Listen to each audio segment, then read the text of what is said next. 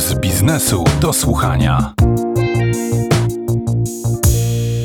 Jak wspominałem Państwu na początku, nagrywam ten podcast, bo redakcyjna koleżanka spytała mnie, dlaczego właściwie te usługi stomatologiczne tyle kosztują.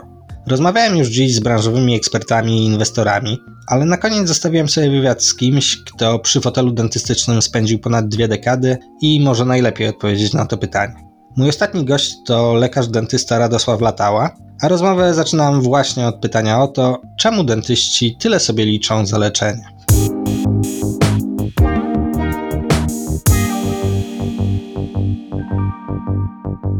Nie dziwię się pytaniu, dlaczego u stomatologa to wszystko tyle kosztuje. Z jednej strony musimy pamiętać, że nasze wykształcenie pochłonęło i trochę środków pieniężnych, i dużo czasu. Dojście do jakiegoś doświadczenia pochłonęło mnóstwo czasu, mnóstwo naszego samozaparcia w kształceniu się, ponieważ studia to tylko pierwszy etap do osiągnięcia właściwych umiejętności, które pozwolą nam sprawnie zdiagnozować pacjenta, zaproponować właściwe leczenie, sprawnie to leczenie przeprowadzić i kontrolować to leczenie, wynik tego leczenia w czasie. Dodatkowo nasz zawód, nasze działania są mocno związane z materiałami, z narzędziami, z urządzeniami. Początkowy koszt startu najprostszych y, narzędzi, najprostszych unitów, najprostszych autoklawów.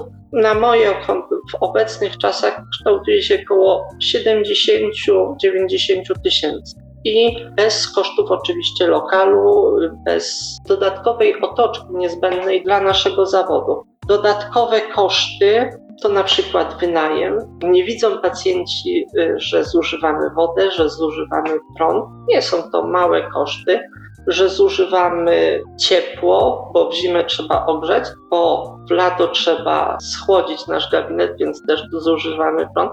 Musimy mieć jakiś względny komfort pracy. Czasem, ja z mojej strony mogę powiedzieć, po kilku latach pracy postanowiłem zainwestować pieniądze idąc w kierunku endodoncji w stomatologii. Miałem wspaniałych nauczycieli, miałem dobre kursy, dzięki którym mogłem rozwinąć swoje umiejętności. Może nie tyle rozwinąć, nauczyć się pewnych rzeczy, dzięki którym mogłem sprawniej leczyć pacjentów. Nie musiałem ich odsyłać do innych lekarzy, mogłem część rzeczy robić już sam. Co dalej? Dalej y, musimy pomyśleć o naszej przyszłości. Nasz zawód jest mocno obciążający dla układu kostno-szkieletowego.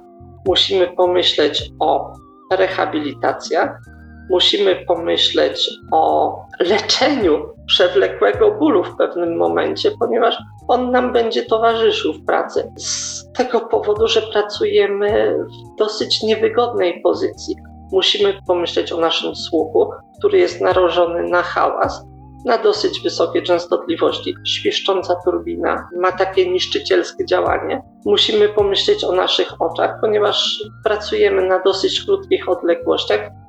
Wpatrujemy się mocno w zęby, wypatrujemy jakichś szczegółów, wszelkich elementów, które nam ułatwią diagnozę, leczenie. To są takie rzeczy. No i nie zapominajmy, później raz zakupione materiały kończą się, musimy je kupić. Chcemy pracować na jak najlepszych materiałach dla pacjentów, jak najwygodniejszych w pracy dla nas, żebyśmy mogli sprawnie wykonywać swoją pracę, żeby ta praca nie sprawiała nam przykrości, że ją, że tak powiem, że ją wykonujemy, żebyśmy nie mieli poczucia, że owszem, zrobiliśmy coś naprawdę fajnego, ale kosztowało nas to bardzo dużo wysiłku, żeby to nie rodziło frustracji.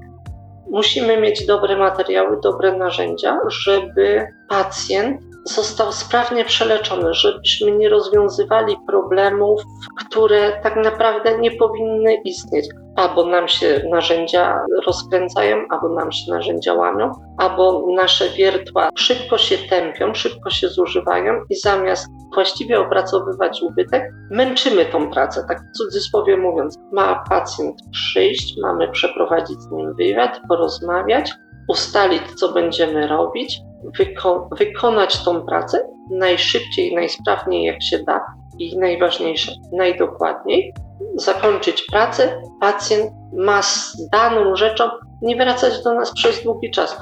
Mamy wykonać rzecz raz dobrze na długi okres czasu. Takie są założenia. Czasami się takich rzeczy nie da, pewnych rzeczy nie jesteśmy w stanie wykonać, ale to po 20 latach doświadczenia w zawodzie mogę powiedzieć, co mogę zrobić i posłuży, i mogę to zaproponować, i co będzie krótkotrwałe, ale czasami też trzeba wykonać, bo różne są sytuacje z pacjentami, różne są sytuacje w życiu. Czasem trzeba po prostu pomóc na szybko, za jakiś czas leczyć. A co pan doktor sądzi o stanie uzębienia Polaków i czy wraz z tym, że no może jeszcze nie na miarę naszych ambicji, ale jednak mamy grubsze portfele, więc pewnie nas stać na bardziej zaawansowane usługi. Czy to widać w ostatnich latach, że stan uzębienia się poprawia i korzysta się z właśnie takich bardziej estetycznych usług, czy to jednak bardzo zależy i z tym stanem uzębienia nadal jest źle? Gdy zaczynałem 20 lat temu pracę, Normalnością w mojej praktyce było usuwanie zębów stałych u dzieci. Szóstek, czasami siódemek, z powodu zniszczenia próchnicowego. Po pięciu latach te dzieciaki zniknęły. Przestały się pojawiać nowe, które miały do usunięcia zęby. Pojawiły się do leczenia, ale były takie zęby, które byłem w stanie uratować, które widzę e, po dzisiejszy dzień, że funkcjonują, że działają, że są. Jak my to mówimy, połatane, posztukowane, ale własne, funkcjonujące, spełniające swoją rolę.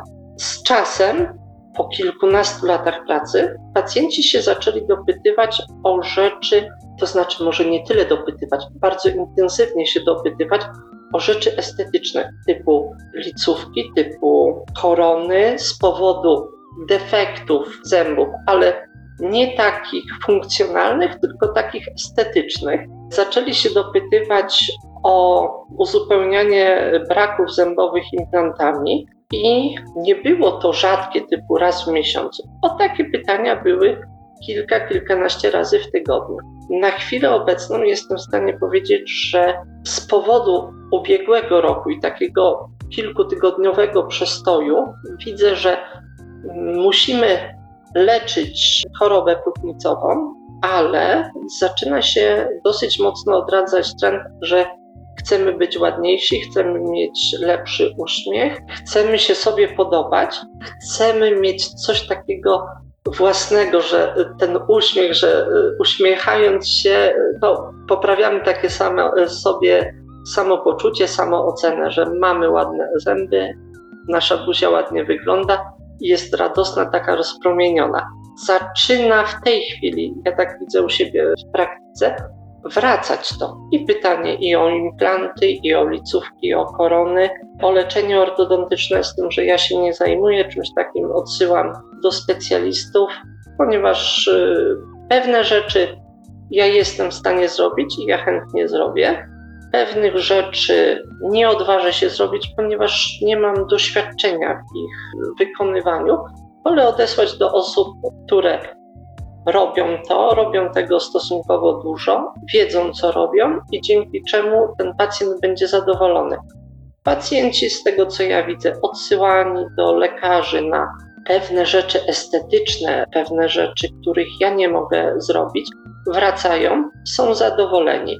Dzięki temu ja jestem też zadowolony, że pacjent ma zrobione we właściwy sposób daną czynność, czy to y, wyleczenie wady zgryzu, czy wyleczenie nadmiernego zaciskania zębów, wyleczenie, uspokojenie takie można powiedzieć, nadmiernego zaciskania zębów, usunięcie zębów chirurgicznych, które wymaga w zasadzie działania lekarza, stomatologa, chirurga, ponieważ on ma doświadczenie, on usunie takiego zęba kilka, kilkanaście minut, pacjent nie będzie miał wielkich dolegliwości bólowych, wróci, ja mogę zrobić dalszą część y, leczenia.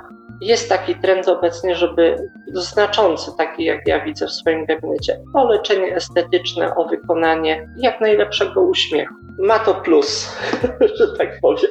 Bardzo dziękuję za rozmowę. Moim gościem był lekarz dentysta Radosław Latała. Dziękuję serdecznie.